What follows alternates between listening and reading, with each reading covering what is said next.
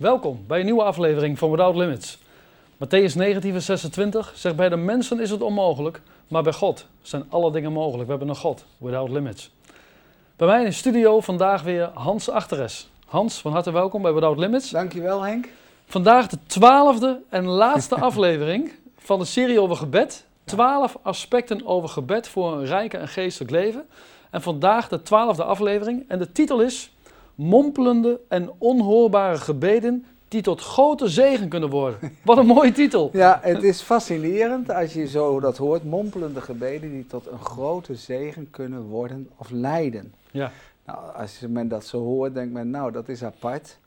Uh, het is inderdaad gebruikelijk en het is normaal dat wij het bidden, uh, dat we bij het bidden onze stem gebruiken. Ja. He, dus ik ben natuurlijk er niet zo voor dat we die stem niet meer gebruiken.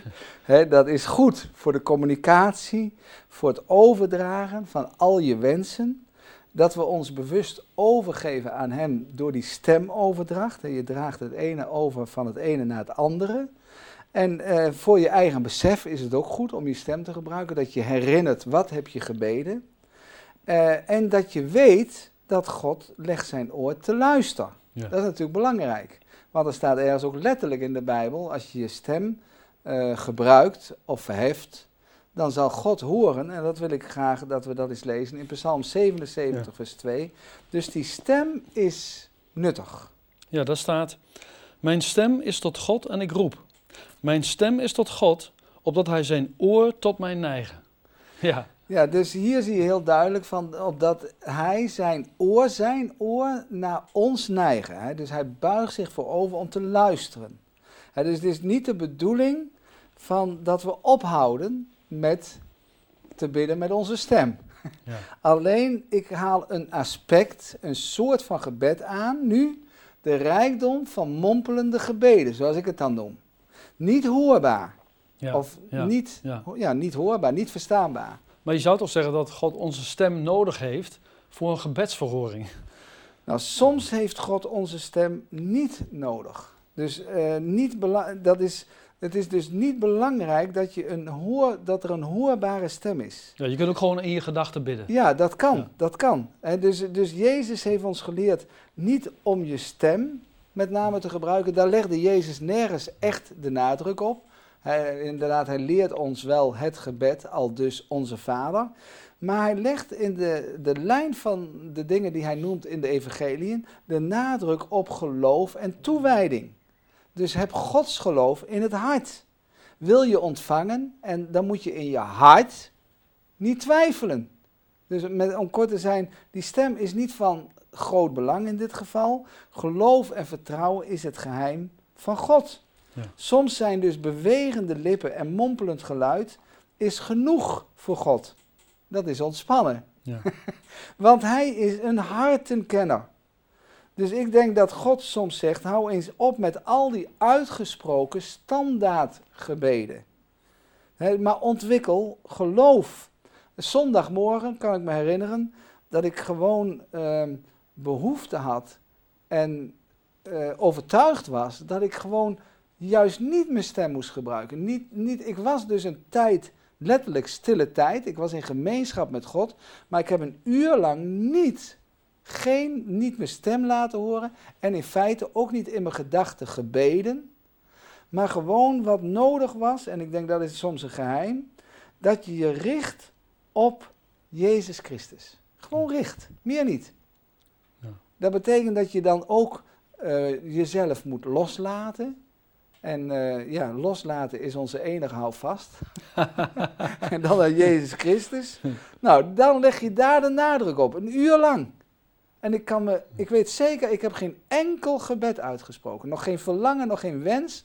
Alleen maar het zoeken van zijn persoon. Van zijn aanwezigheid, van zijn koninkrijk. En daarna gaat het allemaal wel werken.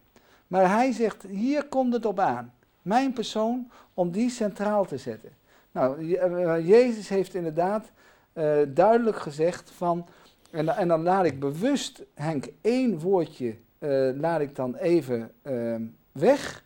Dan zegt hij, gebruik bij uw bidden geen woorden. Ja. gebruik bij uw bidden geen woorden.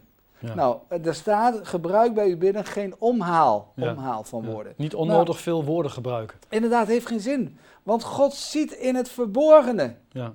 Want God, uw vader, weet wat u nodig is, nodig hebt. Dus het geloof is een voorwaarde. Ja. Maar wat wordt daarmee bedoeld? Hè? Eh, dat God in het verborgene ziet.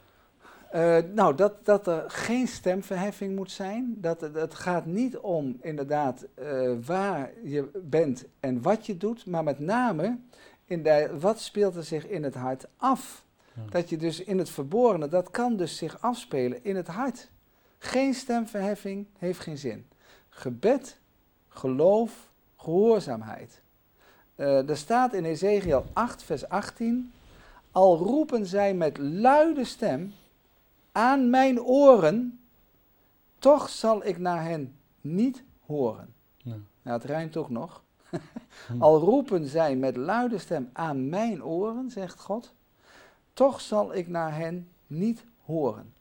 Dus God weet van, hij kijkt naar het hart, in het verborgene. Dus net wat jij zei eh, toen net, van eh, je kunt gerust eh, in je, vanuit je hart, vanuit je gedachten bidden. Ja. En dat is, daarmee geef je te kennen Henk, als je dat doet, dat je werkelijk vertrouwt dat hij in het verborgene jou ziet. Ja. En dat hij jouw gedachten kent. Maar sommigen worden opstandig en zeggen: God hoor, God hoor, God hoor. Snap je wat ik bedoel? Terwijl het, de Heer zegt: het is belangrijker om vertrouwen te ontwikkelen. Vertrouwen dat wat jij in de gedachten hebt, richtend op God, dat hij het verhoort. En, en soms eh, is het zo: God verluistert tot ons door de schoonheid van de schepping. Hij spreekt door dit woord. God roept door tekenen, door aardbevingen, door rampen, door oordelen, door lijden, roept hij tot ons. Maar wij, wij horen soms niet. En wij denken, we moeten onze stem gebruiken. Terwijl jij ze- inderdaad terecht zegt, bid soms in je gedachten. Dan, dat is een kwestie van dat, dat je ook werkelijk vertrouwt en ook zult mogen zien dat God zo'n gebed in gedachten verhoort. Ja. En dat is geweldig. Maar, maar God zegt tegen ons, hij draait dus de rollen soms om, waarom antwoordde niemand toen ik riep? Staat in de Bijbel, Jezaja 50 vers 2. Waarom antwoordde niemand toen ik riep? God fluistert, wat ik net zei, door de schepping. Hij spreekt door zijn woord en door de verkondiging van het evangelie. En hij roept door lijden, door rampen, door aardbevingen, door verschrikkelijke gebeurtenissen. Maar niemand antwoordt. Ze zijn allemaal soms de mensen stom en doof. Ja. Het lijkt wel soms of mensen twee monden hebben en één oor. nou ja, inderdaad, je draait het net om twee monden en één oor. En soms ook dat ze spreken misschien wel uit twee monden. Maar de, inderdaad, de Heer zegt van, laten we ons gedragen zoals wij geschapen zijn. Probeer te luisteren en dan te spreken. Een mens moet snel zijn om te horen, zegt Jacobus, en langzaam om te spreken. Nou, volgens Openbaringen 8 vers 3 zijn onze gebeden eh, zijn kostbaar. Het zijn pareltjes. En ze worden in de hemel bewaard.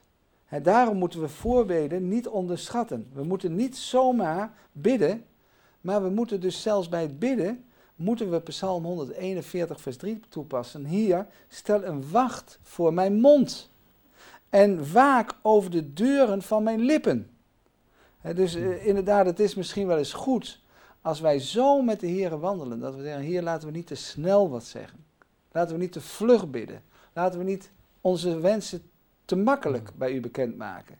Maar eerst gericht zijn op uw bedoeling. Nou, dan laten we eens een lijstje maken, dat stel ik voor, om te zeggen, nou, links onze gebeden. Hè, er staat gewoon links gebeden. En aan de rechterkant verhoring. nou, dan houd er dat eens bij. Want Ja. dan ben je ook bezig van, nou, inderdaad, hoe bid ik? En dan kun je misschien nog een lijstje maken met danken. Ja, danken ook. ja, want danken hoort erbij. Ja, We hebben twee handen. De rechterhand is gebed en de linkerhand dank. ja, Hans, jij haalde net al aan van, hè, dat je eh, ge- geloof nodig hebt om, om bijvoorbeeld niet te bidden. Maar eh, het, eh, eh, het, het straalt ook geloof uit als je de Heer al gaat danken voor de Ja. gebedsverhoring. Nou, je gaat pas danken wat jij zegt voor de gebedsvoering als jij God beter leert kennen. Ja. Dus eh, ik had vanmorgen ook, had ik al een paar keer voor gebeden voor iets.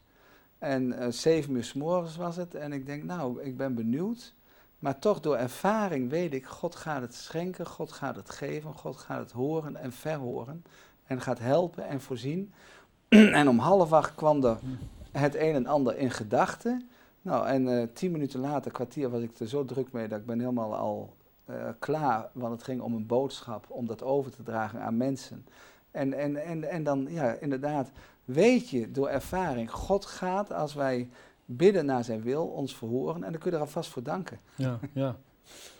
Hans, zijn er ook bijbelse voorbeelden van, zeg maar, niet hoorbare gebeden eh, die toch verhoord zijn? Ja, want dat was ook het onderwerp. Mompelende gebeden, niet hoorbaar, niet verstaanbaar. In de Bijbel zijn enkele voorbeelden die we willen bekijken van niet hoorbaar, niet hardop, dus onuitgesproken gedachten. Ja. En ze hebben toch gewicht en ze hebben toch inhoud en ze hebben toch verhoring.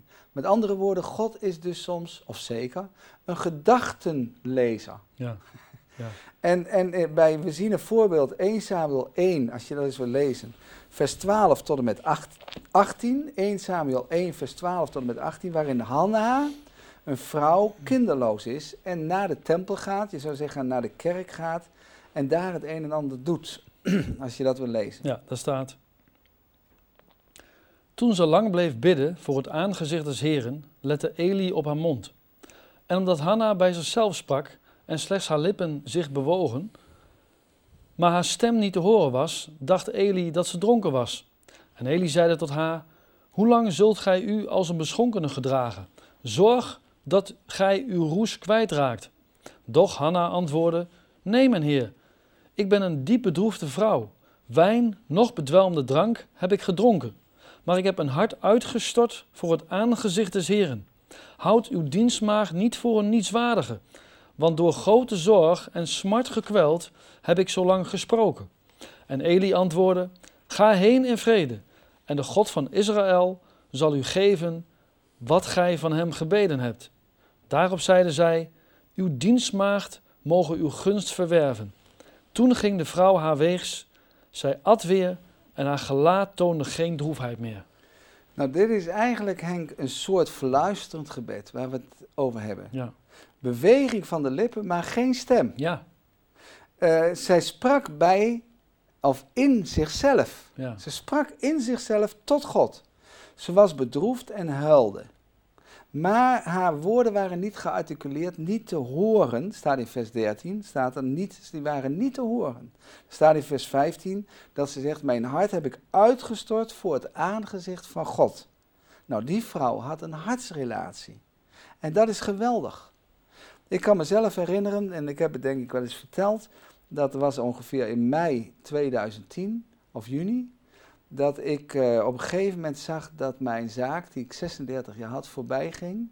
Dat betekende mijn zaak zou voorbij gaan na 36 jaar, waar je natuurlijk je leven, je hebben en houden aan gegeven hebt. Ik had een uitgeverij in onderwijs uitgaven. Ik zag dat mijn huis, ik heb nog een pand, want daar is ook een bedrijfshal bij, zou weggaan. Mijn auto zou weggaan, et cetera. Dat zag ik, ik wist het. Ja. En op dat moment heb ik mij, uh, ik zei voor het eerst in mijn leven tegen mijn vrouw toen ik vijf uur thuis kwam. Uh, we zijn vastgelopen. Met andere woorden, we kunnen geen kant meer op. Het zal inderdaad van ons afgenomen worden. Dat is pijnlijk. En ik ging toen uh, boven op bed liggen. En God heeft geen stem nodig. Heeft geen uh, woorden nodig. Ik heb mij gewoon voor God gesteld, stil. Ik heb niet gebeden, ook niet in mijn gedachten. Ik was gewoon stil. En ik wist, dit gaat gebeuren. Ja. En dat duurde 20 minuten. 20 minuten en ik kreeg alleen maar 20 minuten tranen. En je leven gaat aan je voorbij. En toen ik na 20 minuten wou ik opstaan en ik vermande mij om gewoon verder te gaan, zoals de dingen zich aandienden. En God sprak één tekst tot me. 2 Koningen 20 vers 5. En daar staat, ik heb uw gebed gehoord. En ik heb uw tranen gezien. Drie jaar lang ging ik door grote, grote, grote moeite. Door water en vuur. Ik had soms geen geld om een postzegel te kopen, terwijl ik ongeveer 52.000 facturen heb gemaakt in mijn leven. Van 10 euro tot 10.000 euro. 52.000. Ik had soms geen geld om benzine te kopen. Ik keek soms naar de lucht als er nog een stukje blauw was van hoop. Nou, om kort te zijn, God verhoorde mijn gebed, maar liet natuurlijk de moeite bestaan. en, en, en dus daar bedoel ik mee te zeggen van God heeft soms onze woorden niet nodig. Maar je vertrouwt, je weet, God ziet alles. Ja. En dat was bij Hanna ook zo in vers 11. Ze was kinderloos en ze vroeg om een mannelijke nakomeling. Dan ga ik je lezen in vers 19 van wat je gelezen hebt. Toen Elkana, haar man, gemeenschap had met zijn vrouw Hanna, dacht de Heere aan haar. Want ze heeft mompelend gebeden, of fluisterend. En omstreeks een jaar later baarde Hanna zwanger geworden een zoon. Zij noemde hem Samuel, want zij zei, ik heb hem van de Heere gebeden. Ja.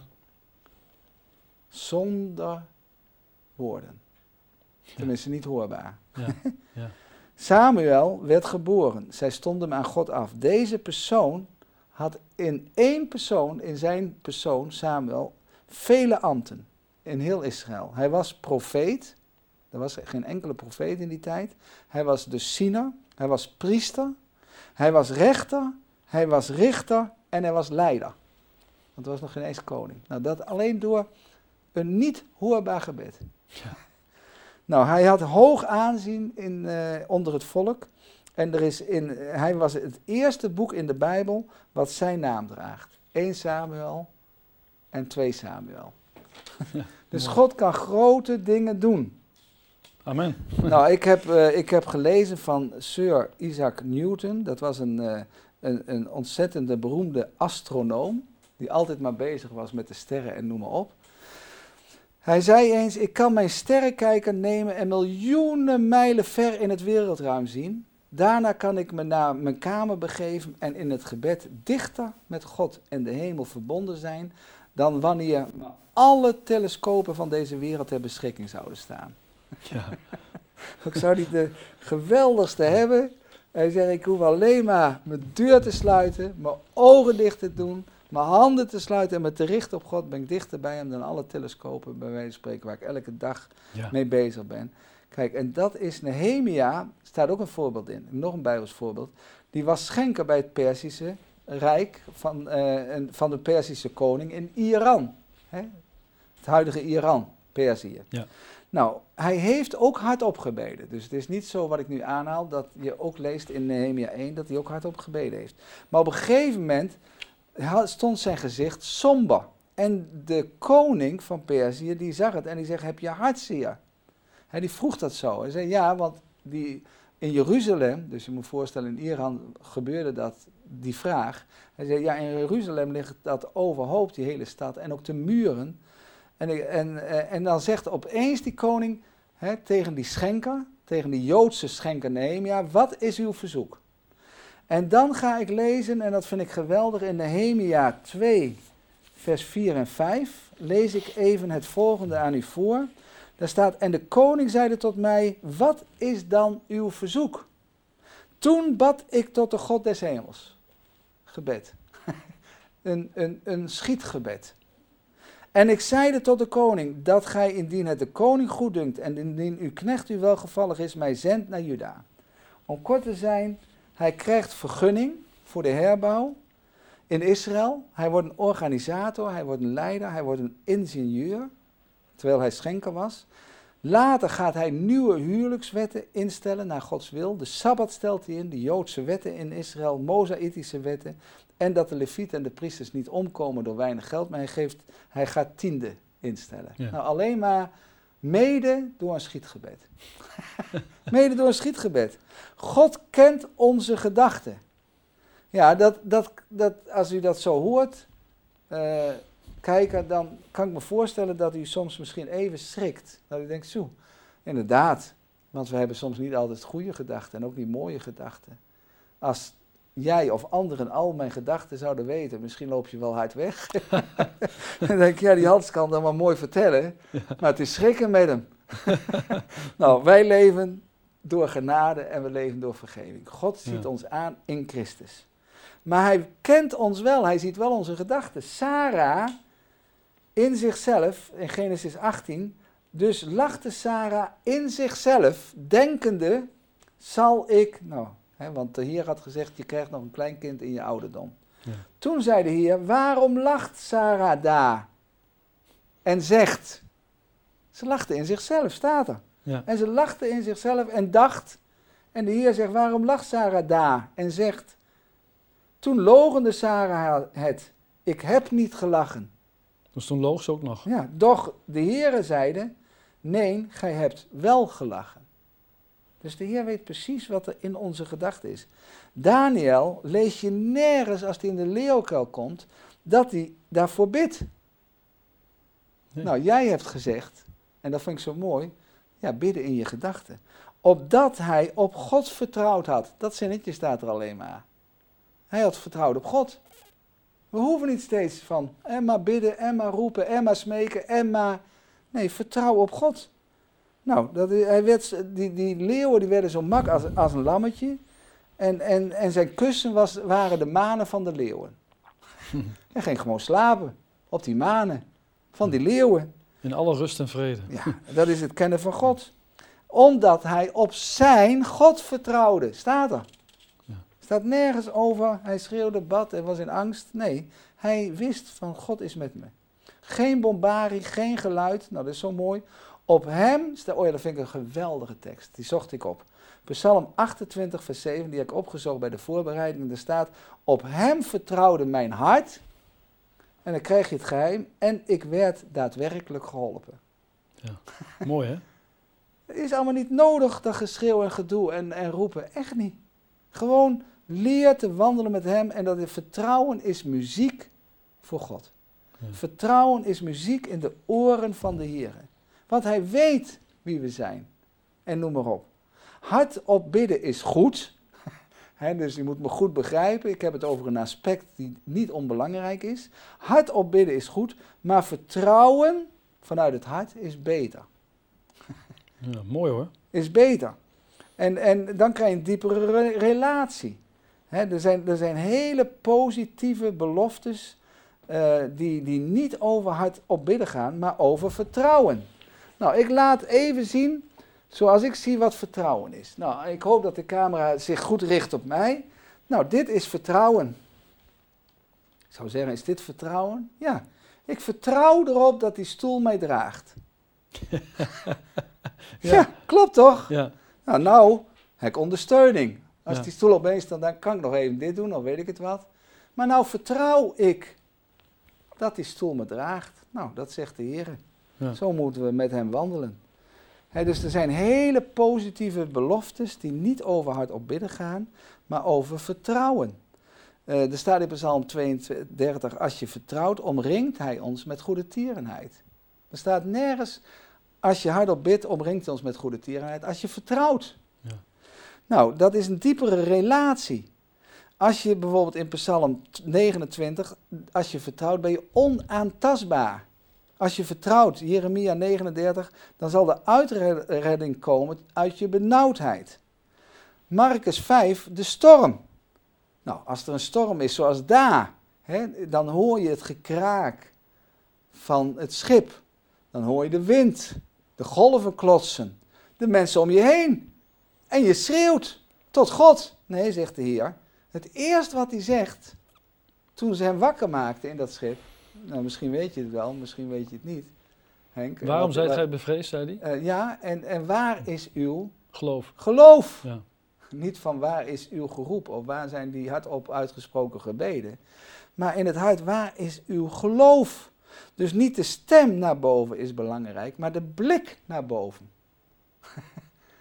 nou, dus het advies is, zet in het middelpunt van uw gebed centraal niet onze zonde. Dat is mijn advies, dat is ook mijn ervaring. Zet de zonde niet centraal. Misschien dat u zegt, ja, daar zit ik mee. Nou, dan is mijn advies: zet de zonde niet centraal. Zet uw probleem niet centraal. Zet uw wens niet centraal. Maar maak Jezus Christus tot het middelpunt. Alleen zijn persoon. Hopelijk wordt dat probleem opgelost. Hopelijk merkt u dat de zonde in uw leven wordt ontkracht. Hopelijk merkt u dat uw wens wordt vervuld. Door Jezus Christus centraal te zetten. En dan zeg je, hé, hey, dat is mooi, zegt dat geloof. Dat wil ik. Dat verlang ik. nou, daar word je toch enthousiast van? Tenminste, ik wel. Amen. Jezus moedigt ons toch ook aan om te vertrouwen. Ja, hij, hij, hij, hij heeft het net wat ik je net aan, aan eh, wat ik net eigenlijk aanhaal. Die discipelen maken hem wakker en dan krijg je het geheim. Hij ligt te slapen. Ze maken hem wakker en het eerste wat hij doet is hij stilt de storm in hun hart. Ja. Liggend. Ja. Gaat hij staan, nou is hij ook bereid uitwendig de storm te stillen, want het wordt doodstil en die zee ook. Ja. Maar eerst tilt hij inderdaad de storm in ons hart en daarna inwendig en daarna uitwendig. Ja, in Psalm 50, dat vind ik ook zo mooi, wil ik er een beetje mee besluiten, Henk. 50, vers 3. Daar wordt gezegd dat we als we Hem lof offeren, dus Hem centraal zetten, Jezus Christus. Wie lof offert, dus Jezus Christus, de lof geeft die die toekomt, eert mij. En dan krijg je het en baant de weg dat ik Hem Gods heil doe zien. Ja. Nou, dat is mooi. Dus, dus er liggen onvoorstelbare zware stenen en betonblokken. De Heer zegt eh, even met de vinger opzij, want ik baan de weg voor je. Prachtig. En, en de wegen van God zijn gebaand. Kijk, de weg die naar de dood leidt en de weg van de zonde en de weg van de Satan is breed.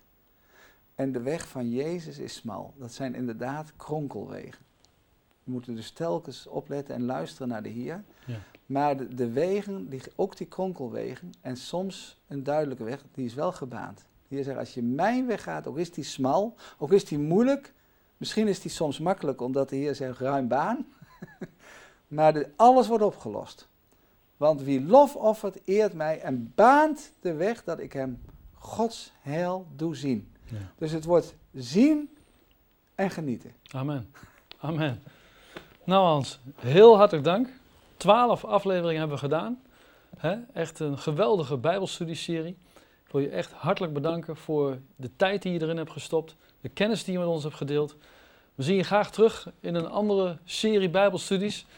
En eh, ik wens je Gods rijkste zegen ook in je bediening. Henk, het waren twaalf afleveringen met moeite, maar bovenal met vreugde.